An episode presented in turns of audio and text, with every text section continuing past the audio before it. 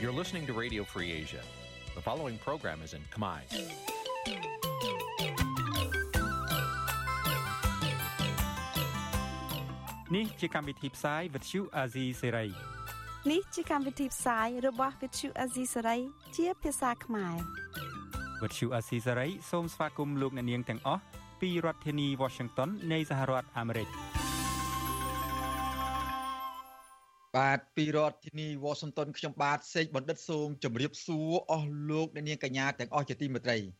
បាទយើងខ្ញុំសូមជូនកម្មវិធីផ្សាយសម្រាប់រាត្រីថ្ងៃសៅរ៍13កើតខែកដិកឆ្នាំថោះបញ្ញស័កពុទ្ធសករាជ2567ត្រូវនៅថ្ងៃទី25ខែវិច្ឆិកាគ្រិស្តសករាជ2023បាទជាដំបូងនេះសូមអញ្ជើញអស់លោកអ្នកនាងស្ដាប់ព័ត៌មានប្រចាំថ្ងៃដែលមានមេតិការដូចតទៅសា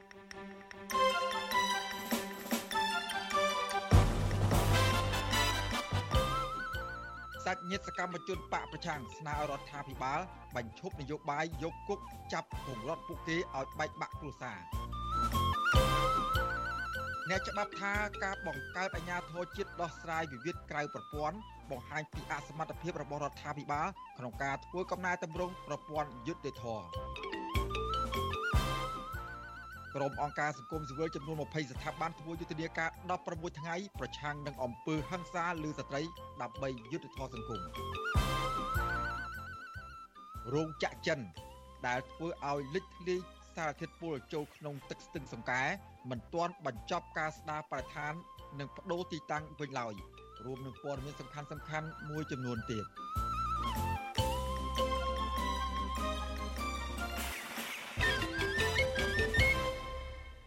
បាទជាបន្តទៅទៀតនេះខ្ញុំបាទសេកបណ្ឌិតសូមជូនព័ត៌មានពិស្ដាបាទលោកនាងកញ្ញាជាទីមេត្រីសាច់ញាតិសកម្មជនគណៈបកប្រឆាំងស្នើដល់រដ្ឋាភិបាលលោកហ៊ុនម៉ាណែតឲ្យបញ្ឈប់យកគុកចាប់ពង្រត់ពួកគេឲ្យបែកបាក់ក្រុមគ្រួសារនិងបង្កការឈឺចាប់ដោយសារតែនយោបាយតទៅទៀតបាទមន្ត្រីសិទ្ធិមនុស្សយល់ថារដ្ឋាភិបាលគួរដោះស្រាយចំនួននយោបាយនិងដោះលែងអ្នកជាប់ឃុំនយោបាយឲ្យបានជួបជុំក្រុមគ្រួសារឡើងវិញ ដើម្បីផ្សះផ្សាជាតិនិងធ្វើឲ្យពលរដ្ឋខ្មែរគ្រប់និន្នាការនយោបាយរស់ដោយសុខដុមរមនាជាមួយគ្នាដោយគ្មានការជិះចាប់បាទលោករនីនឹងបានស្ដាប់សេចក្តីរាយការណ៍អំពីរឿងនេះនាពេលបន្តិចទៀតកម្មវិធី Vithu Azizi ស្រីសម្រាប់ទូរស័ព្ទដៃអាចឲ្យលោកអ្នកនាង អានអត្ថបទទស្សនាវីដេអូនិងស្ដាប់ការផ្សាយផ្ទាល់ដោយឥតគិតថ្លៃនិងដោយគ្មានការរំខាន ដើម្បីអាននិងទស្សនាមេតិការថ្មីៗពី Vithu Azizi ស្រីលោកអ្នកនាងគ្រាន់តែចុចបាល់កម្មវិធីរបស់ Vithu Azizi សេរីដែលបានដំឡើងរួចរាល់លើទូរស័ព្ទដៃរបស់លោកអ្នកនាងប្រសិនបើលោកអ្នកនាងចង់ស្ដាប់ការផ្សាយផ្ទាល់ឬការផ្សាយចាស់ចាស់សូមចុចលើប៊ូតុងរូប Vithu ដែលស្ថិតនៅផ្នែកខាងក្រោមនៃកម្មវិធីជាការស្រេច។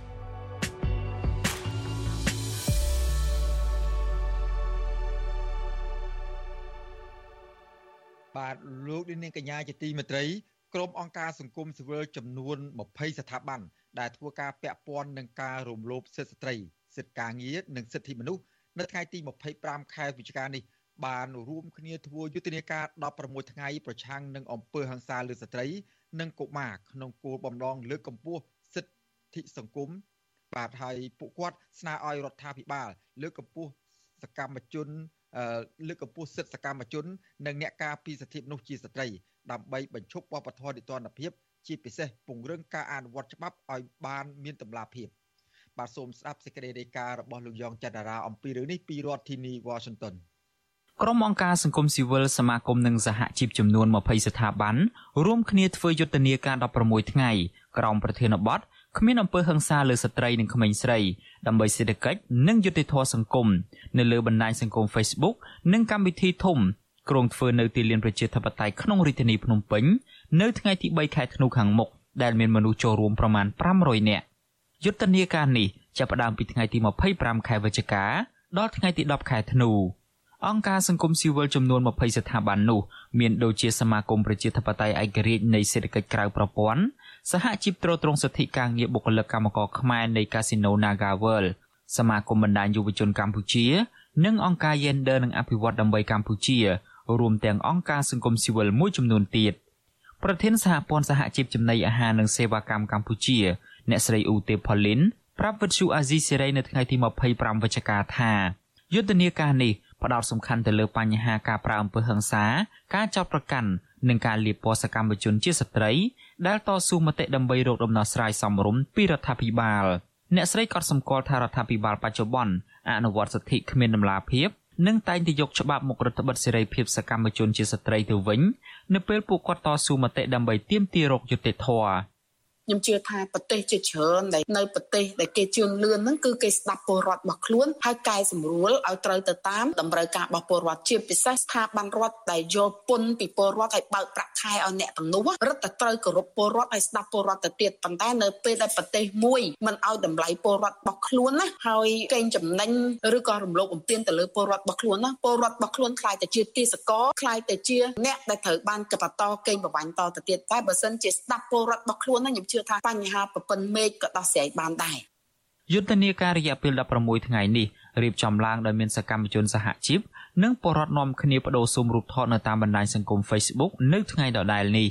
ចំណែកនៅថ្ងៃទី26វិច្ឆិកាដល់ថ្ងៃទី2ខែធ្នូនឹងមានការចាក់ផ្សាយពីកម្រងវីដេអូចំនួន7បង្ហាញពីដំណើរការរបស់ស្ត្រីនិងក្មេងស្រី ព្រមទាំងចេញសេចក្តីថ្លែងការណ៍រួមអំពីដំណើរការនិងសំណូមពរដើម្បីជំរុញឲ្យរដ្ឋាភិបាលដោះស្រាយបញ្ហាប្រឈមដែលកំពុងកើតមានលើស្ត្រី និងក្មេងស្រីដោយឡែកនៅថ្ងៃទី3ខែធ្នូអង្គការសង្គមស៊ីវិលនឹងធ្វើកម្មវិធីជួបជុំគ្នាសម្ដែងមតិដោយមានការចូលរួមពីស្ត្រីដែលរងការរំលោភបំពានសិទ្ធិនៅទីលានប្រជាធិបតេយ្យក្នុងរាជធានីភ្នំពេញក្រោមប្រធានបទគ្មានអំពើហិង្សាលើស្ត្រីនិងក្មេងស្រីដើម្បីសេដ្ឋកិច្ចនិងយុត្តិធម៌សង្គម ហើយចាប់ពីថ្ងៃទី4ដល់ថ្ងៃទី10ខែធ្នូនឹងមានការដាក់បង្ហាញពីវីដេអូជាបន្តបន្ទាប់ពាក់ព័ន្ធទៅនឹងការចង់បានរបស់ស្ត្រីវិទ្យុអាស៊ីសេរីមិនទាន់អាចតាក់ទងแนะនាំពាក្យក្រសួងកិច្ចការនារីអ្នកស្រីសស៊ីណែតដើម្បីសាកសួរអំពីរឿងនេះបាននៅឡើយទេនៅថ្ងៃទី25ខែវិច្ឆិកាជុំវិញបញ្ហានេះប្រធានសមាគមការពារសិទ្ធិមនុស្សអាត6លោកនីសុខាយល់ឃើញថាការធ្វើយុទ្ធនាការនេះគឺជារឿងល្អដើម្បីជាសារដាស់តឿនដល់រដ្ឋាភិបាល អនុវត្តច្បាប់ឲ្យមានប្រសិទ្ធភាពនិងឆ្លើយតបទៅនឹងបញ្ហាប្រឈមរបស់ប្រជាពលរដ្ឋលោកបន្តថាអង្គើនីតិរដ្ឋភាពនៅក្នុងសង្គមនឹងកាន់តែកើតមានប្រសិនបរដ្ឋាភិបាល និងក្រសួងពាក់ព័ន្ធជាពិសេសក្រសួងយុតិធធមិនឈលលើគោលការណ៍ឯករាជ្យនោះ។ រឿងអ្វីក៏ដោយវាត្រូវតែពង្រឹងអំពីបញ្ហានីតិរដ្ឋពិសេសគឺពង្រឹងបញ្ហាប្រព័ន្ធយុតិធម៌នេះឲ្យបានការអនុវត្តនៅធ្វើយ៉ាងណាផ្ដល់យុតិធម៌ឲ្យបានស្មើស្មើគ្នាចំពោះប្រជាពលរដ្ឋគ្រប់រូបនៅក្នុងប្រទេសកម្ពុជាដោយមិនមានការរើសអើងមិនមានការផាត់ចេញនៅក្រមណាមួយដែលយើងគិតថាជាបញ្ហានៃការចាត់ទុកថាក្រមណាមួយជាក្រមប្រឆាំងឬក៏ក្រមស្របឬក៏ក្រមរើសអើងមានបញ្ហានយោបាយ កន្លងទៅរដ្ឋាភិបាលក្រោមការដឹកនាំរបស់លោកហ៊ុនសែននិងលោកហ៊ុនម៉ាណែតតែងប្រើប្រព័ន្ធតុលាការជាឧបករណ៍ដើម្បីគំរាមកំហែងសកម្មជនសង្គមនិងសកម្មជននយោបាយជាស្ត្រី ដើម្បីកុំឲ្យពួកគាត់ចេញតវ៉ារោគយុត្តិធម៌ជាងនេះទៅទៀតស្ត្រីជាកោតក្រ Nagawal សកម្មជននយោបាយនិងសកម្មជនដីធ្លីបានរងការវាយដំការចាប់ឃុំខ្លួន ការឃ្លាំមើលពីសំណាក់អាជ្ញាធរ និងរងការគំរាមសម្លាប់ជាដើមដោយសារតែពួកគាត់អនុវត្តសិទ្ធិស្របតាមច្បាប់របស់ខ្លួនមន្ត្រីអង្គការសង្គមស៊ីវិលស្នើឲ្យរដ្ឋាភិបាលលុបបំបាត់ការប្រើប្រាស់ហិង្សាគ្រប់រូបភាពលើស្ត្រី បញ្ឈប់ការរំលោភបំពានសិទ្ធិស្ត្រីដោយងាកមកលើកកម្ពស់សិទ្ធិស្ត្រី និងលើកទឹកចិត្តឲ្យពួកគាត់ចូលរួមការងារសង្គមវិញ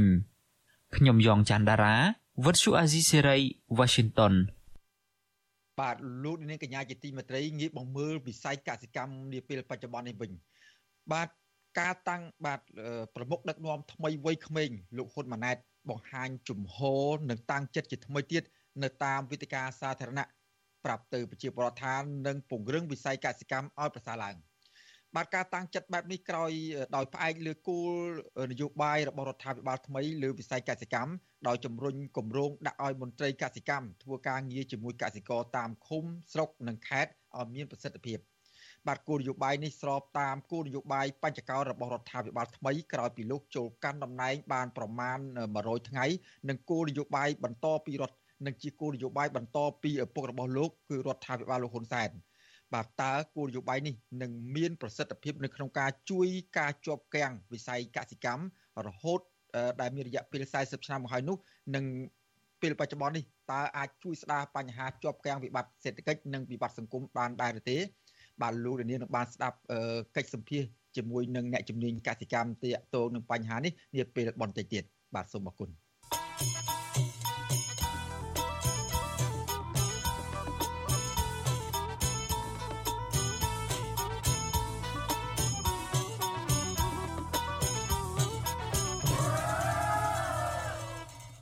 បាទលោកនាងកញ្ញាជាទីមេត្រីចំពោះសេចក្តីរាយការណ៍ពីខេត្តបាត់ដំបងឯនោះវិញ បាទរោងចក្រចិនដែលផលិតអាសុតដែលធ្វើឲ្យលេចធ្លាយសារធាតុពុលចូលទៅក្នុងទឹកស្ទឹងសង្កែកាលពីខែសីហានៅតែបន្តសកម្មភាពដំណើរការផលិតផលផលិតកម្មរបស់ខ្លួននៅទីតាំងដដែលនិងមិនទាន់ស្ដារបរិស្ថានឡើងវិញនៅឡើយទេជុំវិញទីតាំងរោងចក្រតាមការបង្គាប់បញ្ជា និងការបរិច្ឆេទដែលក្រសួងបរិស្ថានបានកំណត់នោះឡើយបាទសកម្មជនបរិស្ថាន និងអង្គការសង្គមស៊ីវិលបារម្ភថា ក្រុមហ៊ុនអាចនឹង ប្រហែសយកលេសដើម្បីសូមពន្យាពេលបដូរទីតាំងដើម្បីករណីនេះនឹងបង្កផលប៉ះពាល់ដដែលទៅដល់ប្រជាពលរដ្ឋបាទសូមស្ដាប់សេចក្តីរាយការណ៍របស់លោកថាថៃអំពីរឿងនេះបើទោះបីជាអសានវិទ្យឲ្យស្ដារបរិស្ថាននៅជុំវិញរោងចក្រនិងផ្លាស់ប្ដូរទីតាំងរោងចក្រផលិតថ្នាំពេទ្យមួយកន្លែង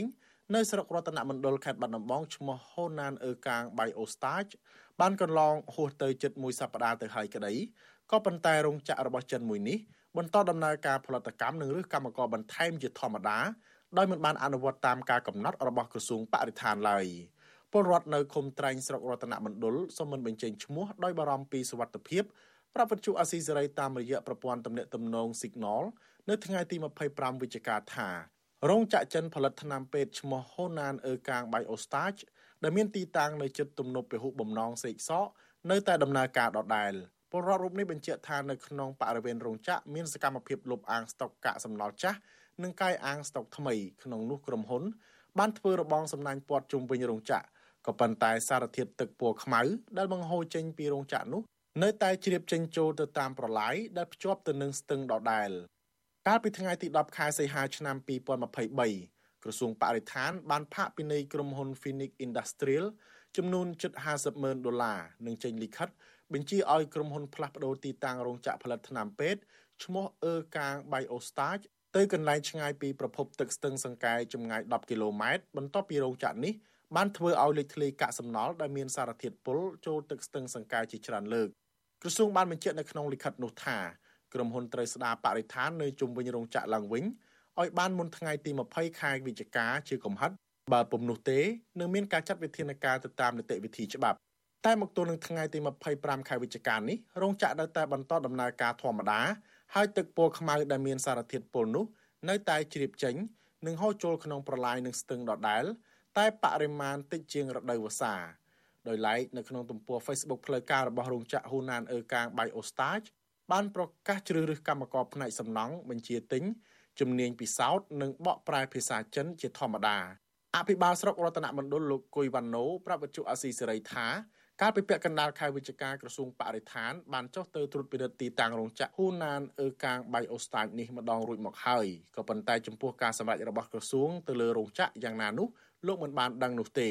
អូអារឿងហ្នឹងតថ្នាក់លើខ្ញុំអត់ក្តាប់បានដែរបងណាខ្ញុំថ្នាក់ក្រោមជាតិនឹងដំណើរការមិនដំណើរការយើងយើងអត់ក្តាប់បានណាវិទ្យុអាស៊ីសេរីមិនអាចតកតងแนะនាំពាក្យក្រសួងបរិស្ថានលោកផៃប៊ុនឈឿននិងប្រធានមន្ត្រីបរិស្ថានខេត្តបាត់ដំបងលោកកតបូរានដើម្បីសុំការបកស្រាយជំវិញបញ្ហានេះបានទេនៅថ្ងៃទី25វិច្ឆិកា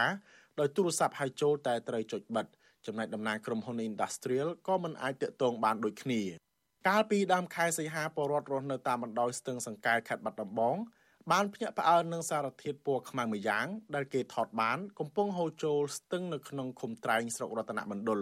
ទីតាំងដែលគេឃើញសារធាតុខ្មៅនោះហូរចេញមកគឺជារោងចក្រផលិតថ្នាំពេទ្យឈ្មោះអ៊ឺកាង Biostage ដែលមានម្ចាស់ជាជនជាតិចិន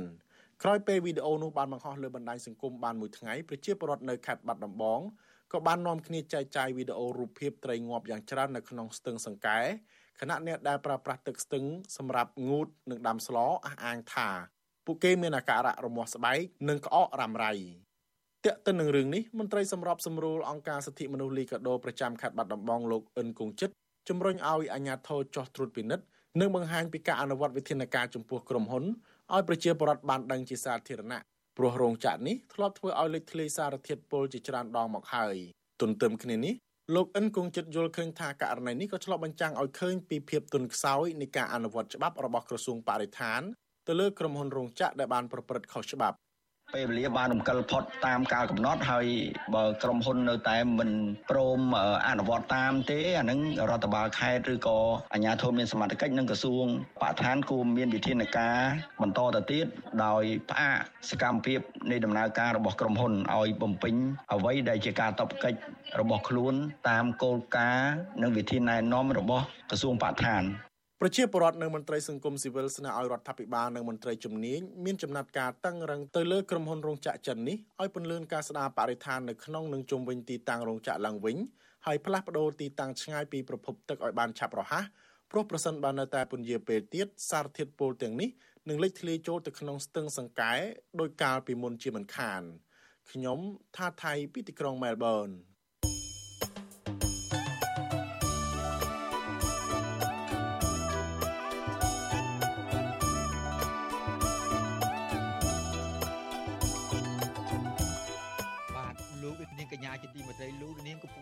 ស្ដាប់ការផ្សាយរបស់វិទ្យុអស៊ីសេរីពីរដ្ឋធានីវ៉ាស៊ីនតោនសហរដ្ឋអាមេរិកបាទក្រៅពីស្ដាប់ការផ្សាយរបស់យើងខ្ញុំតាមរយៈបណ្ដាញសង្គមមាន Facebook YouTube និងប្រព័ន្ធសង្គមថ្មី Telegram នោះលោកលានក៏អាចស្ដាប់ការផ្សាយរបស់វិទ្យុអស៊ីសេរីតាមរយៈវិទ្យុរលកធារកាសខ្លីបានដែរ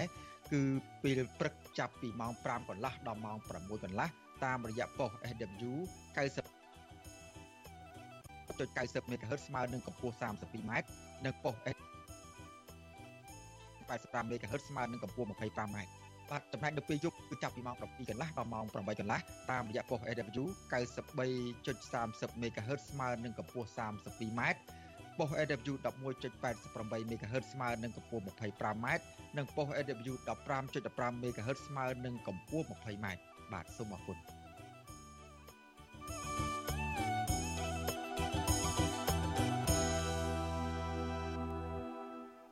បាទឥឡូវជាបន្តទៅទៀតសូមអញ្ជើញអស់លោកលានមកតាមដានសេចក្តីរាយការណ៍ដែលពាក់ព័ន្ធនឹងការពង្រឹងវិស័យផ្លូវច្បាប់ផ្លូវយុត្តិធម៌ក្រៅប្រព័ន្ធតុលាការវិញបាទអ្នកច្បាប់យល់ថាការបង្កើតអាជ្ញាធរជាតិដោះស្រាយវិវាទក្រៅប្រព័ន្ធតុលាការគឺបង្ហាញពីអសមត្ថភាពរបស់រដ្ឋាភិបាលអាណត្តិទី7ក្នុងការធ្វើកំណែតម្រង់ប្រព័ន្ធយុត្តិធម៌ បាទការលើកឡើងយ៉ាងដូចនេះគឺស្របពេលដែលលោកហ៊ុនម៉ាណែតបានតែងតាំងរដ្ឋមន្ត្រីក្រសួងយុទ្ធភ័ពលោកកៅរិទ្ធនិងមន្ត្រី16រូបទៀត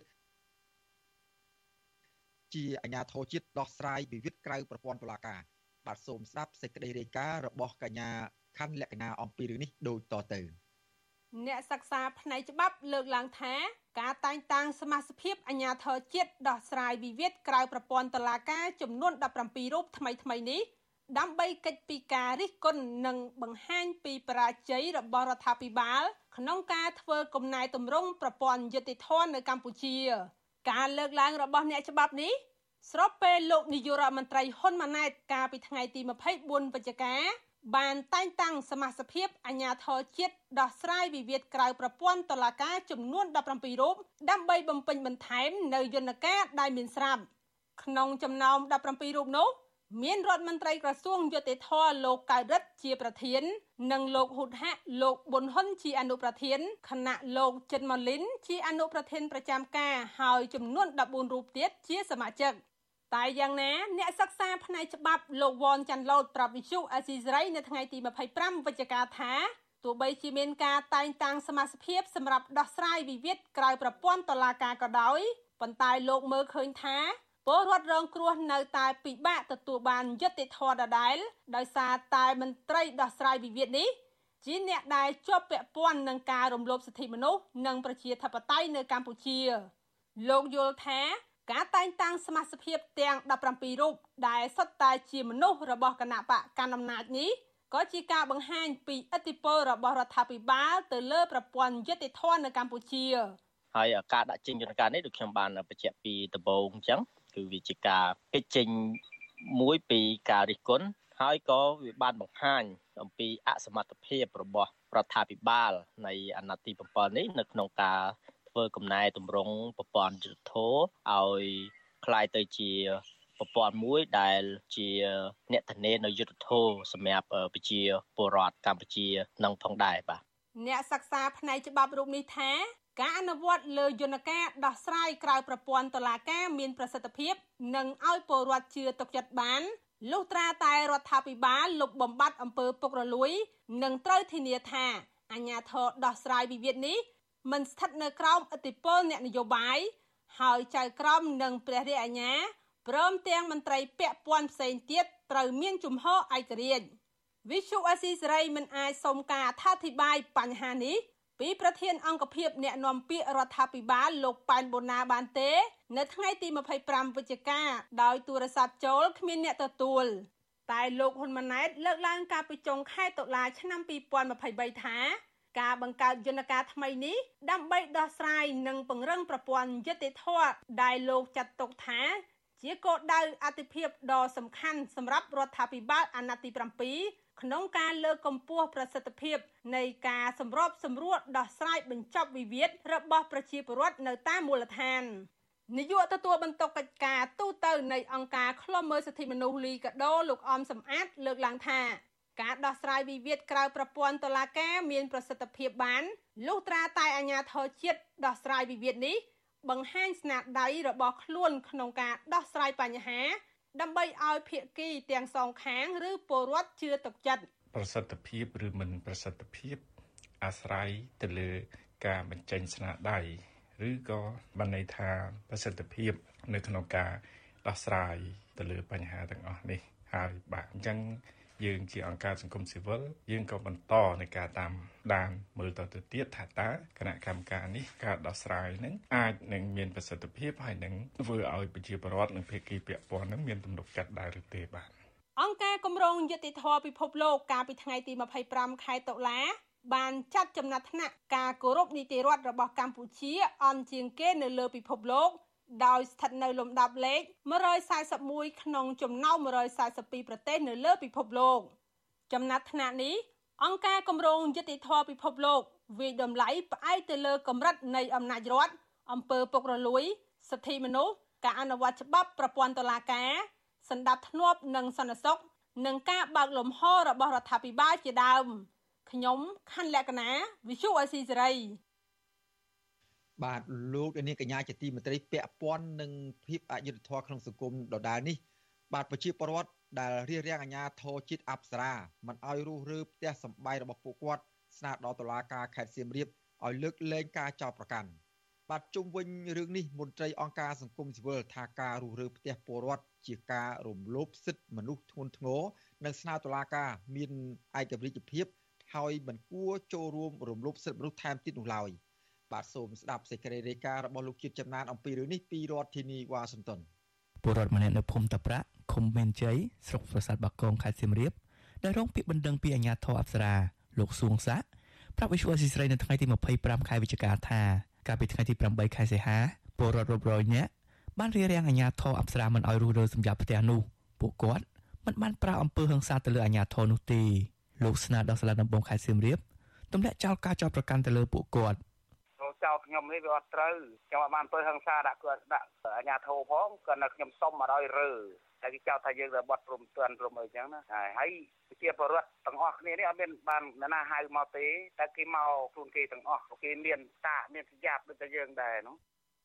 សំណើនេះធ្វើឡើងបន្ទាប់ពីសាលាដំបងខេត្តសៀមរាបកាលពីថ្ងៃទី24ខែវិច្ឆិកាបានបើកសវនកម្មដើម្បីសាកសួរដេញដោលតាមពាក្យបណ្ដឹងរបស់អាជ្ញាធរជាតិអប្សរា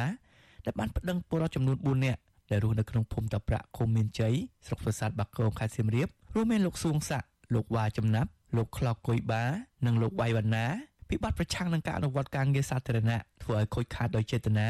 និងហិង្សាដោយចេតនាពាក់ព័ន្ធនឹងពលរដ្ឋជាច្រើនអ្នកកាលពីថ្ងៃទី8ខែសីហាបានរៀបរៀងមិនឲ្យអាជ្ញាធរជាតិអប្សរារុះរើតង់នឹងផ្ទះសម្បែងរបស់ពួកគាត់វិសុវអស៊ីស្រីនៅពុំអាចតាក់ទងแนะនាំពាក្យស្លាដំបងខេត្តសៀមរាបអ្នកស្រីសាធីតា ដើម្បីសុំការឆ្លើយតបសំណើរបស់ពលរដ្ឋនេះបាននៅឡើយទេនៅថ្ងៃទី25ខែវិច្ឆិកាដោយទូរស័ព្ទចូលតែគ្មានអ្នកទទួលសេចក្តីសម្រេចស្តីពីការកំណត់បទដ្ឋាននៃការប្រើប្រាស់ដីធ្លីនៅតំបន់1និងតំបន់2ក្នុងតំបន់រមណីយដ្ឋានសៀមរាបអង្គររបស់អតីតនាយករដ្ឋមន្ត្រីហ៊ុនសែនបានកំណត់ការប្រើប្រាស់ដីធ្លីក្នុងតំបន់1និងតំបន់2ក្នុងតំបន់រមណីយដ្ឋានសៀមរាបអង្គរថាពលរដ្ឋដែលមានលំនៅឋានរស់នៅយូរលង់អាចបន្តរស់នៅតទៅទៀតបានដែលមិនបាច់មានការបណ្តេញចេញពីភូមិឋានឡើយ មួយវិញទៀតប្រជាពលរដ្ឋអាចរុះរើជួសជុលផ្ទះចាស់ទ្រុឌទ្រោមឬសាងសង់ថ្មីដោយសុំការអនុញ្ញាតពីអាជ្ញាធរជាតិអប្សរានិងអាចផ្ទេរមរតកទៅឲ្យញាតិសន្តានឬអ្នកភូមិជាមួយបានលើកលែងតែការលក់ទៅឲ្យឈ្មួញឬលក់សម្រាប់សង់អគារជាដើមទោះជាមានសេចក្តីសម្រេចបែបនេះក្តីពលរដ្ឋអះអាងថាពួកគាត់មិនអាចជួសជុលផ្ទះដែលទ្រុះធ្លាយឬធ្វើសម្រាប់ផ្ទះដើម្បីបាំងខ្យល់បាំងភ្លៀងបាននោះទេជាងនេះទៅទៀតសម្បីតែការសាងសង់បន្ទប់ទឹកសម្រាប់បន្ទោបង់ ក៏មិនត្រូវបានអនុញ្ញាតឲ្យសាងសង់នោះដែរវិសុវស៊ីសេរីមិនអាចតាក់ទងអគ្គនាយករងអាជ្ញាធរជាតិអប្សរាលោកឡុងកុសលដើម្បីសុំការអធិប្បាយជុំវិញបញ្ហានេះបាននៅឡើយទេនៅថ្ងៃទី25ខែវិច្ឆិកាតាក់ទងនឹងបញ្ហានេះមន្ត្រីទទួលបន្ទុកសិទ្ធិមនុស្សនិងធុរកិច្ចនៃមជ្ឈមណ្ឌលសិទ្ធិមនុស្សកម្ពុជាលោកវ៉ាន់សុផាតប្រាប់វិសុវស៊ីសេរីថាការរុះរើផ្ទះសម្បែងពលរដ្ឋជាអំពើរំលោភសិទ្ធិមនុស្សធ្ងន់ធ្ងរលោកបន្ថែមថាចំពោះការតវ៉ារបស់ពលរដ្ឋដើម្បីការពារផ្ទះសម្បែងរបស់ខ្លួនមិនមែនជាអំពើខុសច្បាប់នោះទេ លោកបន្តថាសកម្មភាពទាំងនោះជាសិទ្ធិសេរីភាពមូលដ្ឋានរបស់ពលរដ្ឋគឺសិទ្ធិមានលំនៅឋានសមរម្យដែលអាចរស់នៅប្រកបដោយភាពថ្លៃថ្នូរបើសិនជាតឡាការនៅតែចូលរួមចំណែកនៅតែចូលរួមក្នុងការបណ្ដេញប្រជាពលរដ្ឋចេញដូច្នេះអញ្ចឹងអាជ្ញាធរគឺគាត់នៅតែមានលេសថ្ងៃក្រោយមានរឿងអីបន្តិចគឺថា ស្ថិតតែប្តឹងតឡាការអញ្ចឹងត្រឡប់ទៅមកវិញមកបច្ចុប្បន្ននៅប្រទេសយើងនឹងគឺថាប្រជាពលរដ្ឋក៏រងគ្រោះណាស់ដោយសារតែអំណាចទាំង3នឹងគឺអត់បានជាអំណាចដែលប្រជាពលរដ្ឋបោះឆ្នោតឲ្យមិនបានបម្រើផលប្រយោជន៍ប្រជាពលរដ្ឋទេប៉ុន្តែបែរជាអំណាចដែលរួមគ្នាបណ្ដេញប្រជាពលរដ្ឋដើម្បីយកដីទៅវិញបាទតើតើនឹងការរស់នៅរបស់ពលរដ្ឋនៅតំបន់អង្គរមានពលរដ្ឋជាច្រើនពាន់គ្រួសាររស់នៅតំបន់អប្សរាក្នុងក្រុងសៀមរាបស្រុកអង្គរធំស្រុកបន្ទាយស្រីនិងពលរដ្ឋមួយចំនួនទៀតរស់នៅស្រុកប្រាសាទបាគង បានបង្ខំចិត្តរុះរើផ្ទះសម្បែងចេញពីតំបន់ឧឈានអង្គរជាបន្តបន្ទាប់ចាប់តាំងពីចុងឆ្នាំ2022រហូតមកការផ្លាស់ប្ដូរទីលំនៅនេះដោយសារតែពួកគាត់គ្មានជំរឿសនិងភ័យខ្លាចរដ្ឋាភិបាលបណ្ដេញចេញដោយបង្ខំដោយគ្មានសំណងអ្វីទាំងអស់អង្គការលើកលែងទោសអន្តរជាតិកាលពីថ្ងៃទី14ខែវិច្ឆិកាបានចេញផ្សាយរបាយការណ៍ស្រាវជ្រាវដោយរកឃើញថារដ្ឋាភិបាលកម្ពុជាបានយកឈ្មោះអង្គការ UNESCO និងលេសពាក្យថាអភិរក្ស ជាអាវុធដើម្បីបណ្ដេញពលរដ្ឋដោយបង្ខំចេញពីតំបន់អង្គរដែលជាសម្បត្តិបេតិកភណ្ឌពិភពលោកខ្ញុំបាទជាចំណាន Visual Society ប្រធានាទី Washington បាទលោកនាងកញ្ញាជាទីមេត្រីក្រមយុវជន របស់អង្គការកម្មវិធីអភិវឌ្ឍធនធានយុវជនហៅកាត់ថា YRDP ខកចិត្តចំពោះអាញាធរស្រុកសំដានខេត្តកំពង់ធំ ដែលបានព្យាយាមរារាំងពួកគេមិនឲ្យផ្សព្វផ្សាយការអប់រំបរិស្ថាន និងសិលធម៌សង្គមនៅក្នុងមូលដ្ឋាន។ បាទមន្ត្រីសង្គមស៊ីវិលជំរុញឲ្យអាជ្ញាធរពាក់ព័ន្ធសហការនិងលើកទឹកចិត្តដល់ក្រមយុវជនទាំងនោះបាទសូមស្ដាប់សេចក្តីរាយការណ៍របស់លោកយុនសមៀនអំពីរឿងនេះពីរដ្ឋធានី Washington អាញាធរស្រុកសណ្ដានខេត្តកំពង់ធំបានហាមឃាត់ក្រុមយុវជនស្ម័គ្រចិត្តដែលមានគ្នាប្រមាណ25នាក់រួមទាំងព្រះសង្ឃផងមិនអោយធ្វើធម្មយាត្រាផ្សព្វផ្សាយអប់រំដល់ពលរដ្ឋអំពីសិល5បរិស្ថាននិងបញ្ហាសុខភាពបើទោះបីជាពួកគេ បានដាក់លិខិតទៅអាជ្ញាធរឃុំមួយសប្តាហ៍ហើយយ៉ាងណាក្តីព្រះអង្គតេងចន្ទឌីមានថរដីកាប្រាប់បច្ចុប្បន្នអសីសេរីនៅថ្ងៃទី25ខែវិច្ឆិកាថាអាជ្ញាធរស្រុកបានព្យាយាមរារាំងដល់ក្រមនិស្សិតដែលមកពីទីក្រុងភ្នំពេញមិនអោយធ្វើការចែករំលែកចំណេះដឹងអំពីបរិស្ថាន និងសិលធម៌សង្គមដល់សិស្ស និងពលរដ្ឋនៅតំបន់នោះឡើយដោយអាជ្ញាធរនៅតំបន់នោះសំអាងថាក្រមសកម្មជន មិនបានជូនដំណឹងពួកគេជាមុនទោះបីជាយ៉ាងណាព្រះអង្គតេងចន្ទឌីមានថរដីកាបន្តថាក្រមយុវជន បានដាក់លិខិតជូនដំណឹងដល់អាជ្ញាធរឃុំរួចហើយដោយគ្មានបំណងអ្វីក្រៅពីអប់រំចែករំលែកអំពីបញ្ហាសិទ្ធិមនុស្សចេះស្រឡាញ់ធម្មជាតិអនាម័យ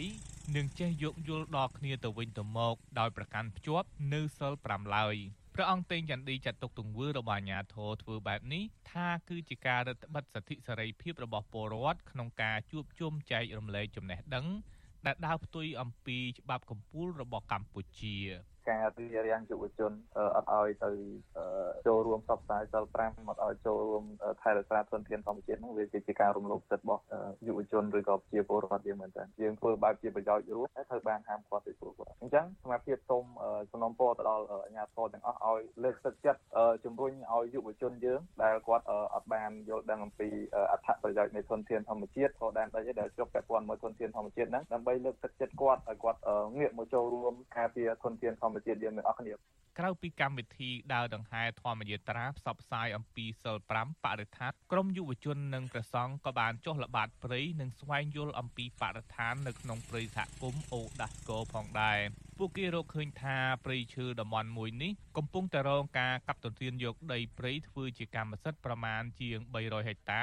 ដែលជាព្រៃបំរុងទុកអចិន្ត្រៃយ៍របស់រដ្ឋជាប់តំបន់ព្រៃឡង់ ក្រមយុវជនថាអាញាធរគួរយកចិត្តទុកដាក់ទប់ស្កាត់បទល្មើសព្រៃឈើប្រសើរជាងមករៀបរៀងក្រមយុវជនយុវតីម្នាក់មកពីខេត្តបន្ទាយមានជ័យដែលបានចូលរួមកម្មវិធីធម្មយាត្រានេះសូមមិនបញ្ចេញឈ្មោះដោយព្រួយបារម្ភពីសុវត្ថិភាពឲ្យដឹងថាអាញាធរគួរសហការ និងលើកទឹកចិត្តដល់យុវជនដែលស្ម័គ្រចិត្តជួយអប់រំពលរដ្ឋដល់មូលដ្ឋាន និងជាប្រយោជន៍រួមរបស់សង្គមវិជាពលរដ្ឋជ្រាបឆ្អាលអំពីបញ្ហាសង្គមចេះជួយមិនថារឿងប្រៃឆើមិនថាអីពួកគាត់គួរណាតែជួយសម្រាប់សម្រួលផ្លូវក្នុងការធ្វើធម្មវិការនៅវិញតែដោយឡែក គាត់ដូចជាមករៀនយ៉ាងបន្ថែមអញ្ចឹងហើយដែលជាសំណុំពររបស់ខ្ញុំសំណុំពរដល់អ្ន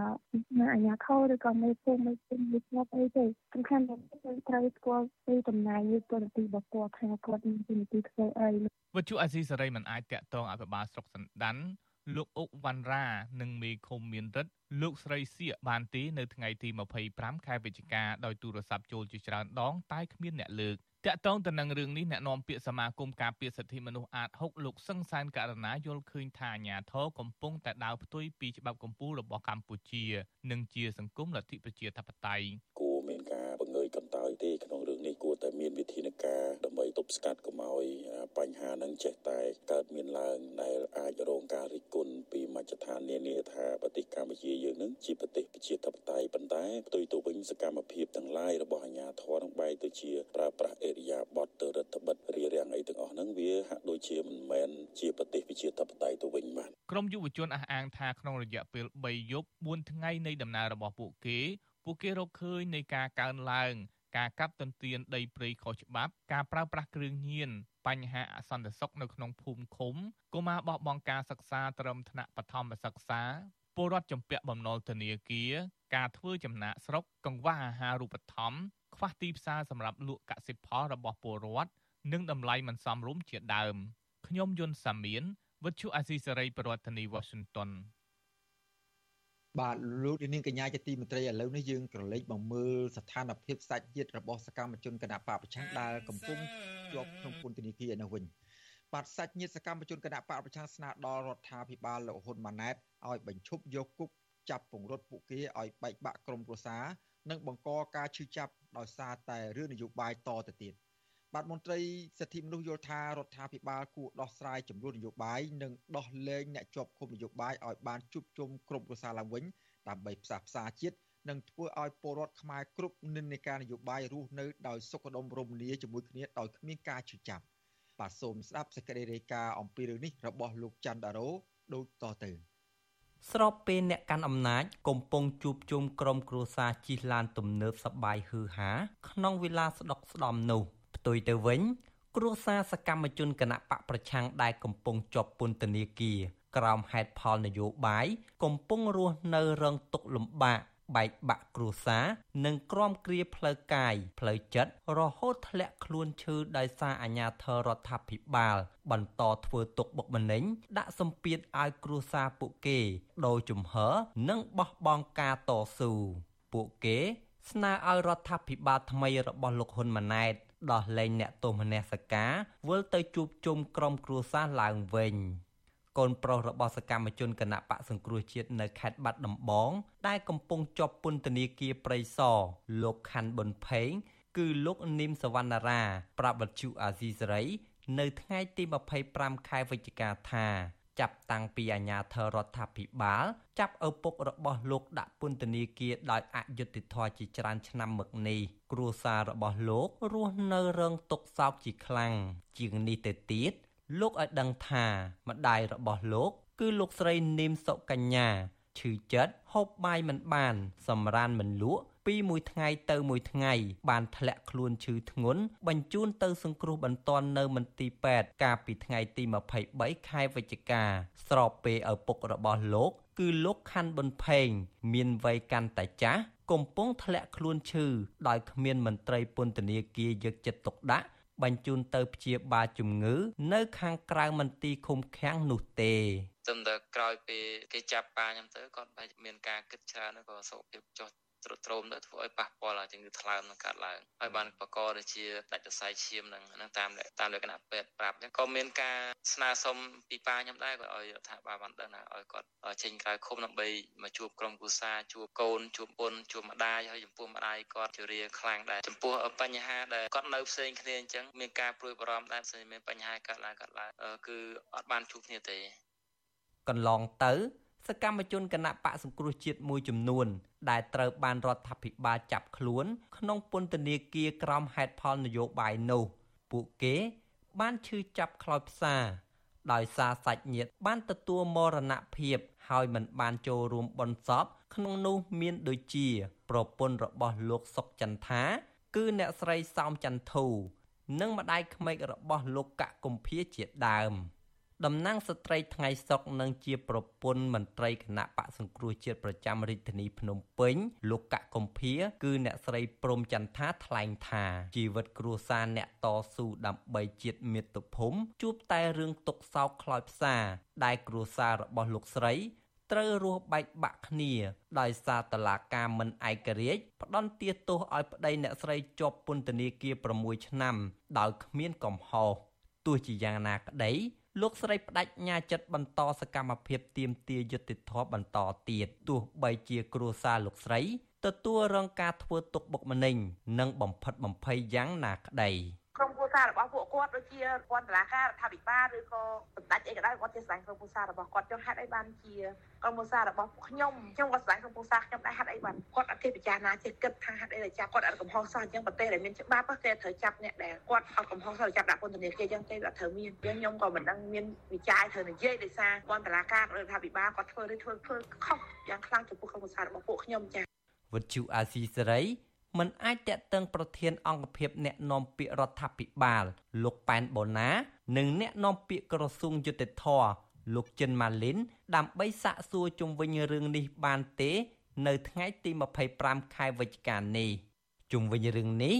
នាយកទទួលបន្ទុកកិច្ចការទូតទៅនៃអង្គការសិទ្ធិមនុស្សលីកាដូ លោកអំសំអាតមើលឃើញថា ក្រុមគ្រួសាររបស់អ្នកជាប់ឃុំនយោបាយដែលរងនៅអំពើអយុត្តិធម៌ងាយរងវិបត្តិផ្លូវចិត្តធ្ងន់ធ្ងរដែលទាញឲ្យពួកគេមានបញ្ហាសុខភាពទ្រុឌទ្រោមប្រឈមនឹងជំងឺផ្សេងផ្សេងដែលគំរាមកំហែងដល់អាយុជីវិតលោកយល់ថារដ្ឋាភិបាលថ្មីគួរទទួលយកសំណើរបស់ក្រមគ្រួសារសកម្មជនទាំងនោះយកទៅពិចារណា និងទទួលយកអនុសាសន៍របស់សហគមន៍ជាតិនិងអន្តរជាតិទៅពិនិត្យដោះស្រាយដើម្បីផលប្រយោជន៍ជាតិពីព្រោះសកម្មភាពពួកគេកន្លងទៅ ជាការអនុវត្តសិទ្ធិសេរីភាព នៅក្នុងសង្គមមិនមែនជាបទល្មើសនោះទេបើសិនជាមានការដោះលែងទៅលើសកម្មជនគណៈបកនយោបាយ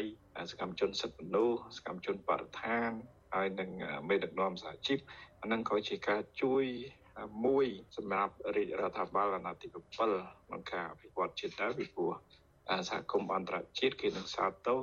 ហើយយើងអាចទទួលបានផលចំណេញផងដែរគិតត្រឹមខែវិច្ឆិកានេះមានសកម្មជននយោបាយសកម្មជនសិទ្ធិមនុស្ស សហជីពនិងដីធ្លីប្រមាណ40នាក់កំពុងជាប់ឃុំតឡាការបានចោទប្រកាន់ពួកគេដូចដូចគ្នា ពីបទរួមគំនិតក្បត់ញុះញង់ឲ្យមានភាពវឹកវរធ្ងន់ធ្ងរដល់សន្តិសុខសង្គមជាដើម កាលពីពេលថ្មីថ្មីនេះគណៈកម្មការអឺរ៉ុបបានជំរុញឲ្យរដ្ឋាភិបាលរបស់លោកហ៊ុនម៉ាណែត បង្ហាញភាពជឿជាក់ក្នុងការស្ដារប្រជាធិបតេយ្យនិងការគោរពសិទ្ធិមនុស្សជាពិសេសពាក់ព័ន្ធនឹងក្តីកង្វល់ជុំវិញសិទ្ធិពលរដ្ឋនិងនយោបាយរួមទាំងបញ្ហាដីធ្លី និងសិទ្ធិការងារដើម្បីទទួលបានប្រព័ន្ធអនុគ្រោះពន្ធ EBA ពេញលេញឡើងវិញប៉ុន្តែមកដល់ពេលនេះលោកនាយករដ្ឋមន្ត្រីហ៊ុនម៉ាណែត មិនទាន់បញ្ជាក់ពីការបដិញ្ញាចំពោះក្តីកង្វល់របស់សហភាពអឺរ៉ុបនិងសហរដ្ឋអាមេរិកនៅឡើយទេខ្ញុំបាទច័ន្ទដារោវុទ្ធុអាស៊ីសេរីបាទលោកនាងកញ្ញាជាទីមេត្រីចំណែកស្ថានភាពកម្មកររោងចក្រវិញម្ដងកម្មកររោងចក្រប្រឈមការលំបាកកាន់តែខ្លាំងដោយសារពួកគាត់មិនអាចធ្វើការបន្ថែមម៉ោងដើម្បីរកប្រាក់ចំណូលបន្ថែម កម្មករនៅរោងចក្រ Sintai Garment Cambodia ស្ថិតនៅក្នុងខណ្ឌសែនសុខរាជធានីភ្នំពេញលើកឡើងថាប្រាក់ខែគូលត្រឹម200ដុល្លារមិនគ្រប់គ្រាន់សម្រាប់ការចំណាយលើថ្លៃម្ហូបអាហារប្រចាំថ្ងៃឡើយដោយសារតែពួកគាត់ត្រូវត្បិតត្បៀតទុកលុយខ្លះចំណាយឲ្យកូនរៀនថ្លៃបន្ទប់ជួល និងសងបំណុលធនាគារបាទការត្អូញត្អែរបស់កម្មករស្របពីវិស័យកាត់ដេរកម្ពុជា បានរងផលប៉ះពាល់បន្ទាប់ពីសហភាពអឺរ៉ុប សម្រេចដកប្រព័ន្ធអនុគ្រោះពន្ធ EBA 20%និងការមិនបន្តឡើងវិញនៅការអនុគ្រោះពន្ធ GSP របស់សហរដ្ឋអាមេរិកតាំងពីឆ្នាំ2020ដោយសារតែការរំលោភសិទ្ធិមនុស្សនិងការធ្លាក់ចុះប្រជាធិបតេយ្យនៅកម្ពុជា បាទសូមលោកនាងទស្សនាវីដេអូតាក់ទងនឹងស្ថានភាពរបស់កម្មករនាពេលបច្ចុប្បន្ននេះដូចតទៅ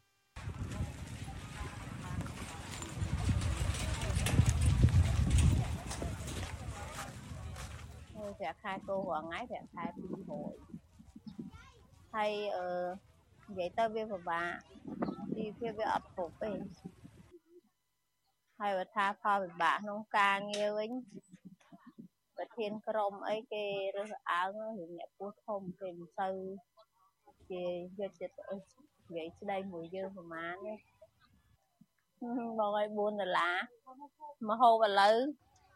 តែមួយថ្ងៃមួយពេលអត់ទាំងគ្រប់ផងខ្ញុំរាល់ថ្ងៃខ្ញុំប្រឈមច្រើនណាព្រោះខ្ញុំធ្វើការតែម្នាក់ឯងហើយ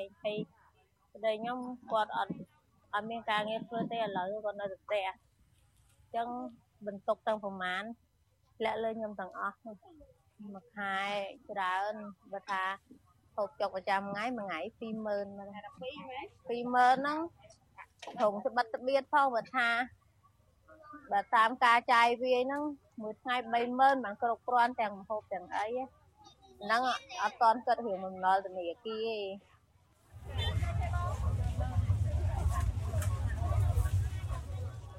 កម្មករនៅរោងចក្រនោះវាមានបញ្ហាស្លាប់ដល់2នាក់ឯងតែមានស្លាប់នៅក្នុងរោងចក្រណាបងវាអាចបញ្ហាការហូបចុកអត់គ្រប់គ្រាន់ចាប្រាក់ខែប៉ុណ្ណឹងបងដូចថាប្រាក់ខែប៉ុណ្ណឹង204ហ្នឹងចាយអត់គ្រប់ទេកាលណាបើគាត់ហ៊ានហូបតាមមួយថ្ងៃ10000ហ្នឹងគឺ ការហូបចុករបស់គាត់បានគ្រប់គ្រាន់ទេអញ្ចឹងពេលខ្លះគាត់រិះគាត់អត់សូវហូបចឹងខ្លាចទី1ប្រឈមមុខនឹងកូនរៀនសាលាបងសាលាកូនសាលាអីចឹងទៅអឺដែលខ្ញុំចង់ទៀមទាទី1ដូចថាលុយលុយកម្មករគេថាធម្មតាមានបំណាច់ឆ្នាំបើសិនជាប្រឈប់កម្មករណាម្នាក់ឲ្យទូទាត់លុយឲ្យបានគ្រប់ តែតាមកិច្ចសន្យាធំនោះឡាយឡង1 1 1 1មុខការ3ម៉ែត្រនោះឡាយឡងចាបងមានការលំបាកច្រើនបងបើសិនជានៅតែធ្វើការរាល់ថ្ងៃបានតែ8ម៉ោងហើយអីវ៉ាន់កាន់តែឡើងថ្លៃសេដ្ឋកិច្ចវាពិបាកអញ្ចឹងណាបងបើសិនជាបានថែមម៉ោងថែមអីខ្លះទៅរៀងគ្រាន់បើឥឡូវអត់មានថែមម៉ោងចេញម៉ោង4ហើយតំណែងឡើងថ្លៃទាំងអស់អញ្ចឹងណាបងពិបាក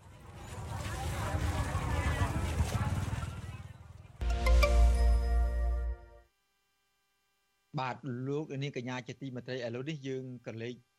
ចេញពីបញ្ហារបស់កម្មករមកមើលខាងវិស័យកសិកម្មតាក់ទងនឹងកសិកររបស់ប្រទេសកម្ពុជាយើងនាពេលបច្ចុប្បន្ននេះវិញបាទប្រមុខដឹកនាំថ្មីវ័យក្មេងលោកហ៊ុនម៉ាណែតបង្ហាញជំហរនិងតាំងចិត្តជាថ្មីទៀតតាមវេទិកាសាធារណៈប្រាប់ទៅដល់ប្រជាពលរដ្ឋឋាននិងពង្រឹងវិស័យកសិកម្មឲ្យបានប្រសើរឡើង បាទការតាំងចិត្តបែបនេះដោយផ្អែកលើគោលនយោបាយរបស់រដ្ឋាភិបាលថ្មីលើវិស័យកសិកម្មដោយជំរុញគម្រោងដាក់មន្ត្រីកសិកម្មធ្វើការងារជាមួយនឹងកសិករតាមភូមិស្រុកនិងខេត្តឲ្យមានប្រសិទ្ធភាពបាទគោលនយោបាយនេះស្របតាមគោលនយោបាយបញ្ចកោណរបស់រដ្ឋាភិបាលថ្មីក្រោយពីលោកចូលកាន់តំណែងបានប្រមាណ100ថ្ងៃនិងជាគោលនយោបាយបន្តពីរដ្ឋាភិបាលចាស់របស់លោកហ៊ុនសែនដែលជាឪពុកបាទតើគោលនយោបាយនេះនឹងមានប្រសិទ្ធភាពក្នុងការជួយដោះស្រាយ ការជាប់គាំងវិស័យកសិកម្មរហូតដែលមានរយៈពេលប្រមាណ40ឆ្នាំកន្លងមកនោះនិងស្ថានភាពនាពេលបច្ចុប្បន្ននេះដែលកំពុងមានបញ្ហាប្រឈមនឹងការធ្លាក់ចុះនៃវិបត្តិសេដ្ឋកិច្ចនិងវិបត្តិសង្គមនោះតើកម្ពុជានឹងរកច្រកចេញដោយរបៀបណាបើពឹងផ្អែកលើវិស័យកសិកម្មដែលជាវិស័យអត្ថិភាពមួយដែលរដ្ឋាភិបាលចាត់ទុកថាជាឆ្អឹងខ្នងសេដ្ឋកិច្ចជាតិដែរនោះបាទលើនេះយើងបានអញ្ជើញអ្នកជំនាញកសិកម្មលោកនីណា ដើម្បីលោកប្រមាលមើលនិងពិនិត្យមើលតើតើស្ថានភាពកសិកម្មពេលបច្ចុប្បន្ននេះយ៉ាងម៉េចហើយគោលនយោបាយរបស់រដ្ឋាភិបាលថ្មីនេះនឹងអាចទៅរួចដែរឬអត់បាទឥឡូវនេះខ្ញុំឃើញលោកលីណាក់បានមកដល់កម្មវិធីផ្សាយរបស់យើងហើយបាទខ្ញុំបាទសូមជម្រាបសួរលោកលីណាក់ពីចម្ងាយបាទបាទសូមជម្រាបសួរបងបណ្ឌិតបងហើយសូមគោរពជម្រាបសួរប្រិយមិត្តវិទ្យុអស៊ីសេរីទាំងអស់ជាទីគោរពបាទ បាទមុននឹងនិយាយទៅដល់រឿងកសិកម្មនោះចង់តាក់សួរលោកនីណាក់បន្តិចតកតទៅនឹងស្ថានភាពសុខភាព របស់លោកពេលបច្ចុប្បន្ននេះក្រោយពីមានជនប្រើហិង្សាវិដំទៅលើរាងកាយលោកឲ្យរោគរបួសយ៉ាងដំណំស្ទើរតែអឺមិនមិនមានសង្ឃឹមរស់ផងកាលពីពេលនោះឃើញឈាមដាបពេញខ្លួនទាំងអស់ឥឡូវពេលនេះឃើញមុខរៀងស្រស់បោះតិចហើយចំពោះស្ថានភាពក្នុងខ្លួនវិញយ៉ាងម៉េចដែរលោកនេះណាអាចជម្រាបជូនលោកនេសាទបានដឹងខ្លះទេបាទពេលនេះ បាទបងបណ្ឌិតហើយតកតងនឹងសុខភាពខ្ញុំបច្ចុប្បន្ននេះគឺរបួសអីជាអស់ហើយហើយដៃនៅឈឺតកដៃនេះដៃស្ដាំនេះមិនតាន់ធ្វើការកើតហើយថ្ងៃមិញហ្នឹងចៃដន្យអីស្នាមរបួសចាស់ហ្នឹងមានហូរឈាមនៅលើក្បាលហ្នឹងហើយតកតងនឹងសុខភាពខ្ញុំវាបានធូរច្រើនហើយស្ទើរតែ95%អស់ហើយនៅតែឈឺដៃតិចតួចទេបាទបាទអឺ ចុះចំណែកជនប្រព្រឹត្តបទល្មើសអឺឃើញលោកឌីណាថាអាចមានតម្រុយកាមេរ៉ាអីផងតាមកាមេរ៉ាកាមេរ៉ាមានតម្រុយផងហើយការស្វែងរកយុត្តិធម៌ដើម្បីឲ្យជនប្រព្រឹត្តបទល្មើសមកទទួលខុសត្រូវចំពោះមុខច្បាប់ហ្នឹងយ៉ាងម៉េចហើយមកទួលនឹងពីនេះលោកឌីណាបាទបាទសម្រាប់ព័ត៌មានចុងក្រោយគឺมันមានអីទាំងអស់ក្រោយពេលដែលខ្ញុំចេញពីការព្យាបាលនៅ clinic ឯកជនម្ដងថ្ងៃនេះគឺលើសពី2ខែហើយ ពុំមានការអន្តរាគមបន្ថែមណាមួយពីអាជ្ញាធរសមត្ថកិច្ចទេបាទហាក់បីដូចជាសំណុំរឿងនៃអំពើឃាតកម្មលើខ្ញុំនឹងត្រូវបានបិទបញ្ចប់ទៅលើការស្រាវជ្រាវហើយអញ្ចឹងអត់មានដឹងអ្វីបន្ថែមឬក៏គេរោគមុខសញ្ញាអីបានប៉ុណ្ណាគឺអត់ទាំងអស់ស្ងាត់ស្ងាត់បាត់សូន្យទាំងអស់អឺតទៅមុខទៀត លោកឌីអ្នកស្ងាត់តាមស្ថានភាពនឹងតាមអាជ្ញាធរអញ្ចឹងទៅឬមួយក៏ត្រូវធ្វើអីបន្តទៀតតាមផ្លូវច្បាប់ដើម្បីរមុខជនល្មើសមកផ្ដន់ទោសនោះបាទអឺខ្ញុំមិនមានអឺរំពឹងថាត្រូវបន្តសកម្មភាពអីជាមួយនឹងអឺនីតិរដ្ឋភាពនៅក្នុងប្រទេសកម្ពុជាយើងនេះទេពីព្រោះដោយផ្អែកទៅលើជនរងគ្រោះជាច្រើនដែលមានស្ថានភាពប្រហាក់ប្រហែលខ្ញុំដែរហ្នឹងគឺมันមានអ្នកណា មានពលឺក៏ដូចជាយុទ្ធធម៌ការឡើងទេដូច្នេះហើយខ្ញុំមិនចំណាយពេលទៅតាមទៅធ្វើរឿងអីបន្ថែមទៀតទេបាទខ្ញុំគិតថារឿងហ្នឹងគឺអឺទុកឲ្យរដ្ឋាភិបាលជាអ្នកបន្តឬក៏មិនបន្តក៏អាស្រ័យទៅលើគាត់ដោយសារថាគេឈ្មោះគឺរដ្ឋាភិបាលជាអ្នកអឺទទួលបានបើសិនជារោគយុទ្ធធរឃើញសម្រាប់ខ្ញុំសម្រាប់ជនរងគ្រោះ ដែលរិះគន់សង្គមផ្សេងផ្សេងទៀតហ្នឹងគឺរដ្ឋាភិបាលនឹងទទួលបានសារៈប្រយោជន៍អំពីស្នាដៃរបស់ខ្លួនអរគុណលោកនាងប្រកាសជាបានស្គាល់លោកនេះណាស់ហើយលោកគឺជាអ្នកជំនាញកសិកម្មមួយរូបហើយលោកបានខិតខំប្រឹងប្រែងណាស់ក្នុងការស្រាវជ្រាវនិងផ្សព្វផ្សាយអំពីបច្ចេកទេសធ្វើកសិកម្មយ៉ាងម៉េចឲ្យបានលទ្ធផលល្អនិងអាចរកទទួលទាន ទៅតាមលទ្ធភាពរបស់ប្រជាកសិករហើយលោកក៏ល្បីណាស់ដែរតាក់ទងនឹងរឿងទិញចង់ទិញម៉ាស់ពាក់ឲ្យកូនបនកាលពីសម័យកូវីដរហូតដល់មានការជាប់កាន់ជាប់ពន្ធនាគារនិងបន្តបន្តមកទៀតមានការវិដំចំធាក់ទៅលើលោកបាទឥឡូវនេះយើងទុករឿងមួយនេះមួយរឿងស្វែងរកយុទ្ធធម៌របស់លោកនេះណាក់មួយឡែកសិនចុះឥឡូវចង់ឲ្យលោកនេះណាក់មើលស្ថានភាពកសិកម្មវិញដោយខ្ញុំបានជម្រាបជូនពីខាងដើមនឹងលោកនាយករដ្ឋមន្ត្រីវ័យក្មេងលោកហ៊ុនម៉ាណែតបានប្រកាស គូចំហពង្រឹងវិស័យកសិកម្មការពង្កាសពង្រឹងវិស័យកសិកម្មដាក់អ្នកជំនាញតាមឃុំធ្វើការជាមួយប្រជាពលរដ្ឋនេះមិនមែនជារឿងថ្មីទេតាមពិតទៅគឺជាយុទ្ធសាស្ត្រដែលកើតមាននៅក្នុងរដ្ឋាភិបាលចាស់របស់ឪពុករបស់លោកដែលការព្រួយផ្ដើមកម្រិតនេះដោយលោកបុត្រយ៉ងសាងកុមារតាំងពីលោកមិនទាន់ទៅរួមរស់ជាមួយនឹងគណៈបកប្រជាជនកម្ពុជាលោកនៅជាមន្ត្រីអង្គការសង្គមស៊ីវិលនិងនៅក្នុងគណៈបកប្រជាធិបតេយ្យមូលដ្ឋាន លោកតែងតែអំពាវនាវជាដរាបថាដើម្បីឲ្យវិស័យកសិកម្មនឹងអាចទៅមុខបានទាល់តែដាក់មន្ត្រីកសិកម្មទៅតាមភូមិឃុំឲ្យគ្រប់កន្លែងទាំងអស់ដើម្បីជួយដល់ពលរដ្ឋក្នុងការធ្វើមុខរបរមួយនេះតើលោកឌីណាឥឡូវបាទឥឡូវនេះរដ្ឋាភិបាលបន្ទាប់ពីលោកយ៉ងសង្កមាចូលរដ្ឋាភិបាលហើយនោះគឺរដ្ឋាភិបាលទាំងចាស់ទាំងថ្មីនោះចាប់អារម្មណ៍រឿងនេះហើយជំរុញប៉ុន្តែការជំរុញនេះដំបូងឡើងឃើញនៅស្រុកព្រៃឈរគឺមានការចាប់ដើមដំបូង តាមទទួលនឹងពីនេះបន្តបន្តទៀតយើងហាក់បីដូចជាឃើញស្ងប់ស្ងាត់ហើយទើបឃើញលោកហ៊ុនម៉ាណែតនឹងប្រកាសឡើងវិញជាថ្មីទៀតអំពីគោលនយោបាយនេះចំពោះលោកនេះអ្នកវិញតើការដាក់គោលនយោបាយត្រឹមតែអ្នកជំនាញនៅតាមភូមិឃុំជួយធ្វើការជាមួយកសិករហ្នឹងអាចមានប្រសិទ្ធភាពនឹងជួយឲ្យវិស័យកសិកម្មដែលងាប់ស្ដុកស្ដឹងប្រហែល40ឆ្នាំមកហើយនោះរស់ឡើងវិញមានសកម្មភាពជួយដល់កសិករពិតប្រាកដបានកម្រិតណាដែរមើលទៅលោកនេះណា បើសិនជាយើងមើលនៅក្នុងផ្លូវសុតិធិនិយមមុនគឺយើងឃើញថានេះជាចលករថ្មីមួយដែលរដ្ឋាភិបាលធ្វើការផ្លាស់ប្ដូរពីការគ្រប់គ្រងបែបរចនាសម្ព័ន្ធចាស់មកបន្ថែមមនុស្សសំខាន់ម្នាក់ទៅក្នុងតំបន់គោលដៅនៃសហគមន៍ដែលផលិតកសិផលយើងមើលឃើញថាចំណុចល្អហើយជាយោបល់ខ្ញុំក៏ខ្ញុំគ្រប់គ្រងដែរបើសិនជា ការជ្រើសរើសនឹងធ្វើឡើងប្រកបដោយតម្លាភាពត្រឹមត្រូវហើយអ្នកមានស្នាដៃអ្នកមានឆន្ទៈអ្នកមានជំនាញពិតប្រាកដហើយអ្នកស្ថិតនៅក្នុងសហគមន៍ផ្ទាល់ជាអ្នកជាប់ក្នុងតំណែងមន្ត្រីកសិកម្មប្រចាំឃុំនោះគឺជារឿងល្អណាស់ខ្ញុំគ្រប់គ្រងបាទប៉ុន្តែយកទៅលើវិស័យកសិកម្ម10 20ឆ្នាំកន្លងមកនេះស្ថិតនៅក្នុងស្ថានភាពមួយដែលពិបាក ដែលយើងនិយាយគ្រប់គ្នាថាអ្នកដែលប្រកបមុខរបរកសិកម្មមកដល់ឆ្នាំ2023នេះគឺมันអាចរស់បានទៀតទេ បាទត្រូវតែបង្ខំចិត្តឈប់ធ្វើឬក៏ផ្លាស់ប្ដូរមុខរបរអញ្ចឹងទោះបីយើងដាក់មន្ត្រីកសិកម្មម្នាក់ទៅក្នុងឃុំសង្កាត់ដែលគោលដៅអតិភិបជំហានដំបូងនេះមាន250នាក់ហ្នឹងគឺខ្ញុំគិតថាมันអាចជាដំណោះស្រាយមួយឲ្យវា សំប្រកបជាមួយស្ថានភាពកំពុងតែពិបាកទេអញ្ចឹងបើការដាក់មន្ត្រីនេះគឺយើងមើលឲ្យឆ្ងាយទៅប្រហែលជាគោលដៅយុទ្ធសាស្ត្ររយៈពេលវែងរបស់រដ្ឋាភិបាលអាណត្តិថ្មីទេមិនមែនជាដំណោះស្រាយកំពុងតែប្រឈមជាមួយនឹងបច្ចុប្បន្នទេបាទអញ្ចឹងបច្ចុប្បន្ននេះបើខ្ញុំមិនបាច់និយាយអីច្រើនយើងនិយាយតែពីរឿងការធ្វើកសិកម្មខាត អញ្ចឹងរឿងខាតនេះមួយវាមានរឿងច្រើនពាក់ព័ន្ធទៅនឹងខាតហ្នឹងបាទដោយសារថាអីដោយសារតែធាតចូលនៃការផលិតកសិកម្មហ្នឹងវាថ្លៃវាខ្ពស់យើងនិយាយពីជីពីថ្នាំពីពូជពីគ្រឿងយន្តកសិកម្មអ្វីអ្វីផ្សេងទៀតពាក់ព័ន្ធនឹងការផលិតហ្នឹងគឺវាចំណាយថ្លៃដើមខ្ពស់ដូច្នេះហើយគោលដៅរ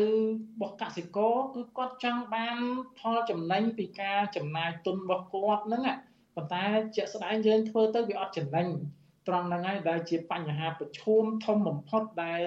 រដ្ឋាភិបាលគួរតែដោះស្រាយមុន សម្រាប់ការជ្រើសរើសមន្ត្រីមូលដ្ឋានហ្នឹងគឺជំហានបន្តបន្តទៀតនៅពេលដែលយើង ជួយឲ្យស្ថានភាពកសិករដែលកំពុងតែខាតកំពុងតែពិបាកនេះឲ្យគាត់មានលំនឹងក្នុងការប្រកបមុខរបរហើយមានកំណើននៃការចាប់ផ្ដើមធ្វើកសិកម្មឡើងវិញបាទ ជាក់ស្ដែងយើងមើលពីលំហូរនៃប្រជាពលរដ្ឋដែលគាត់បោះបង់វិស័យកសិកម្មហើយទៅធ្វើចំណាក់ស្រុកវាមានកាន់តែច្រើនឡើងច្រើនឡើងដូច្នេះហើយបានជាយើងមើលឃើញថាទោះបីដាក់មន្ត្រីកសិកម្មប្រចាំឃុំម្នាក់ហ្នឹងมันអាចទៅជួយអីបានទេបាទបាទអរគុណលោកនេះអ្នកតាមពិតទៅការដាក់មន្ត្រីឬមួយក៏បង្កើតក្រុមការងារចំពោះកិច្ចជួយ ដល់កសិករនេះយើងឃើញមានឃើញនៅប្រទេសជិតខាងនេះនៅក្នុងតំបន់អាស៊ាននេះទាំងមូលនេះនៅវៀតណាមនៅថៃនៅម៉ាឡេស៊ីជាដើមនេះគេមិនមែនទើបគិតនៅពេលនឹងទេមិនឃើញគេគេគិតតាំងពីរាប់សិបឆ្នាំមកហើយរាប់រយឆ្នាំមកហើយកម្ពុជាយើង40ឆ្នាំកន្លងមកហើយទើបនឹកឃើញចាប់ធ្វើផ្ដើមធ្វើរឿងនេះហើយនៅប្រទេសឥណ្ឌូនេស៊ីជាដើមនៅថៃជាដើមនោះ សំបីយ៉ាជនភៀសខ្លួនក៏ដោយចុះមិនមែនជាពលរដ្ឋគេក៏ដោយចុះសំបីជនភៀសខ្លួនពីនយោបាយក្តីពីបញ្ហាសិទ្ធិមនុស្សក្តីនឹងទៅដល់នោះអត់ថាមានគំនិតចង់ដាំធ្វើប្រកបរបរកសិកម្មមិនពិបាកតែរកដីធ្វើពិបាកតែរក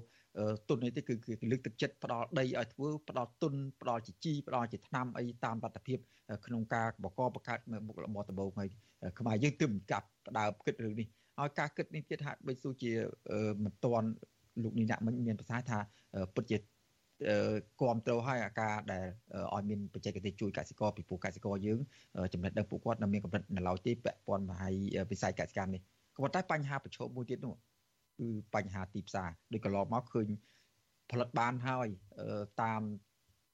សមាជិកសមាជីវរបស់គាត់ក៏ប៉ុន្តែឃើញឈូសចោលទៅវិញដោយសារតែពុំមានទីផ្សារលក់ឬមួយក៏ មិនមានអ្នកទៅជួយរកទីផ្សារឲ្យគាត់លក់ច្នៃប្រឌិតអីផ្សេងផ្សេងណាលោកនេះណាតែចំពោះបញ្ហានេះវាជាការសំខាន់ជាងការស្វែងរកអ្នកបច្ចេកទេសឬមួយក៏បញ្ហាអីផ្សេងផ្សេងទៀតបាទមនិតលើកឡើងហ្នឹងគឺត្រូវហើយបញ្ហាសំខាន់អតិភិបបញ្ហាវាមានច្រើនប៉ុន្តែបញ្ហាខ្លះវាអតិភិបវាមិនទាន់សំខាន់មិនចាំបាច់អញ្ចឹងហើយការគ្រប់គ្រង ស្ថាប័នមួយឬក៏គ្រប់គ្រងប្រទេសមួយគេមើលបញ្ហាអតិភិបហើយវាសំខាន់និងចាំបាច់នឹងយកមកដោះស្រាយមុនជាក់ស្ដែងយើងឃើញទាំងអស់គ្នាមុននេះបន្តិចក៏ខ្ញុំទទួលការសម្ភាសជាមួយសារព័ត៌មានមួយដែរតកតងទៅនឹងតម្លៃអំបុកដែលកសិករផលិតបាននៅខេត្តកំពង់ធំនឹងគឺថោកហើយគាត់ត្អូញត្អែខ្លាំង នេះយើងមើលពីមួយថ្ងៃទៅមួយថ្ងៃគឺឃើញតែបញ្ហាកើតឡើងរវាង ការផលិតបានគ្មានទីផ្សារការផលិតបានលក់លក់បានហើយលក់ទៅវាខាតវាអត់ចំណេញត្រង់ហ្នឹងគឺរដ្ឋាភិបាលគូមានវិធានការបន្តទៅលើការដោះស្រាយបាទពីទី1គឺរដ្ឋាភិបាលគូមានអឺ យន្តការមួយជាក់លាក់ដូចជាការទម្លាក់ថវិកាជាតិក្នុងការទប់ស្កាត់តម្លៃកសិផលមានស្រូវមានដលងមានពោតមានកស៊ូយហ្នឹងដើម្បីឲ្យពួកគាត់ហ្នឹងជាអ្នកផលិតហ្នឹងកុំខាតតទៅទៀតបាទទៅគាត់អាចមានកម្លាំងមានទឹកចិត្តក្នុងការផលិតហើយបើបើបើយើងផ្ដល់អតិភិបដំណោះស្រាយនឹងការឡើងហើយជំនាញកសិកម្មដែលគាត់ត្រូវការរៀននៅពេលក្រោយគឺយើងធ្វើបាន ឥឡូវខ្ញុំឧទាហរណ៍បើខ្ញុំជាកសិករម្នាក់នេះឲ្យតែមានទីផ្សារឲ្យតែផលិតបានមានកន្លែងលក់ឲ្យលក់បានចំណេញជំនាញខ្ញុំអាចខ្ញុំអាចរៀនដោយខ្លួនឯងបានខ្ញុំអាចស្រាវជ្រាវខ្ញុំអាចទៅរៀនពីប្រទេសក្បែរខាងដោយខ្លួនឯងបានរដ្ឋាភិបាលមិនចាំបាច់ផ្ដល់ការបដិបដាលឲ្យខ្ញុំក៏ខ្ញុំត្រូវតែចេះដោយខ្លួនឯងដែរដើម្បីខ្ញុំផលិតកសិផលនឹងផ្គត់ផ្គង់ទៅនឹងតម្រូវការដែលគេចង់បានអានឹងគឺអឺ យន្តការពីកសិករនេះគឺគាត់ធ្វើដោយខ្លួនឯងប៉ុន្តែបើយើងមើលពីដំណោះស្រាយបរដ្ឋាភិបាលដែលពេលនេះកំពុងតែដាក់មន្ត្រីទៅកាន់អឺសហគមន៍ដើម្បីជួយកសិករវាជួយបានតែវាជួយបាននៅរយៈពេលខាងមុខនោះដំណោះស្រាយពេលនេះគឺគាត់ត្រូវការกับអជីវភាពគាត់ត្រូវការដោះស្រាយបញ្ហាកាពះគាត់ត្រូវការដោះស្រាយបញ្ហាបំណុលធនាគារដូច្នេះហើយបានជា ដំណោះស្រាយអតិភិបគួរត្រូវត្រូវបានធ្វើមុនគឺការដោះស្រាយរោគទីផ្សារឲ្យកសិករមានលទ្ធភាពលក់បានចំណេញបាទបាទបញ្ហាទីផ្សារលោកកសិផលនេះនៅតែជាដំបៅឈឺនៅក្នុងដួងចិត្តរបស់ពលរដ្ឋកសិករដដែលហេតុអីបានជាពលរដ្ឋហេតុអីបានជារដ្ឋាភិបាលបង្កើតគោលនយោបាយផ្សេងផ្សេងហេតុអីមិន មិននៅតែមិនអាចដោះស្រាយបញ្ហាទីផ្សារជូនកសិករដែលគាត់ផលិតបានមិនច្រើនប្រមាណទេហ្នឹងយ៉ាងម៉េចដែរបាទលោកនេះអាហ្នឹងមកពីបញ្ហាដែរហើយយើងមើលតាមការអង្កេតស្រាវជ្រាវគឺដោយសារថាប្រព័ន្ធពុករលួយ យើងឃើញអ្នកនាំចូលជាសាច់បង្កជាបន្លែជាត្រីជាសាច់សុទ្ធតែជាអ្នកមានខ្នងមានការ កាងពីអ្នកមានអំណាចធ្វើឲ្យពួកអ្នកកាន់អំណាចនឹងទទួលបានប្រយោជន៍ពីតឈ្មោះរបស់នឹងហើយបានជាកសិករនៅក្នុងស្រុកនេះគាត់ផលិតទៅគឺគាត់មិនអាចមានលទ្ធភាពលក់ទៅកាន់ទីផ្សារដោយសារថាចំណាយថ្លៃដើមគាត់ខ្ពស់តើគាត់លក់តើតើគាត់លក់ថ្លៃអញ្ចឹងអាតំណែងនាំចូលនោះគឺវាធូរថ្លៃតម្លៃវាទាបជាងវាធ្វើឲ្យជំរើសរបស់អ្នកទិញគេជ្រើស យកអ្វីដែលតម្លៃទៀតដូច្នេះហើយជារឿងតម្បៅដែលมันអាចជាបាលបានគឺបំបត្តិអំពើពុករលួយនៅតាមមាត់ច្រកនៃការនាំចូលកសិផលក៏ដូចជាទំនិញហូបចុកហ្នឹងគឺយើងនឹងដោះស្រាយបញ្ហាបានមួយកម្រិតធំតកតងនឹងបញ្ហាទីផ្សារហើយមួយទៀតតកតងនឹងឈ្មោះផ្ដាច់មុខយើងមើលពីស្រូវ ស្រូវយើងរដ្ឋាភិបាលចេះមានគោលការណ៍បែបនេះបែបនេះបែបនេះប៉ុន្តែអ្នកដែលទទួលទិញឈ្មោះឬក៏រោងម៉ាស៊ីនជាអ្នកទិញតាមតំបន់មួយមួយគឺជាអ្នកដាច់មុខអត់មានអ្នកពីខាងក្រៅណាមួយទៅប្រជែងក្នុងការទិញដើម្បីប្រកួតប្រជែងតម្លៃ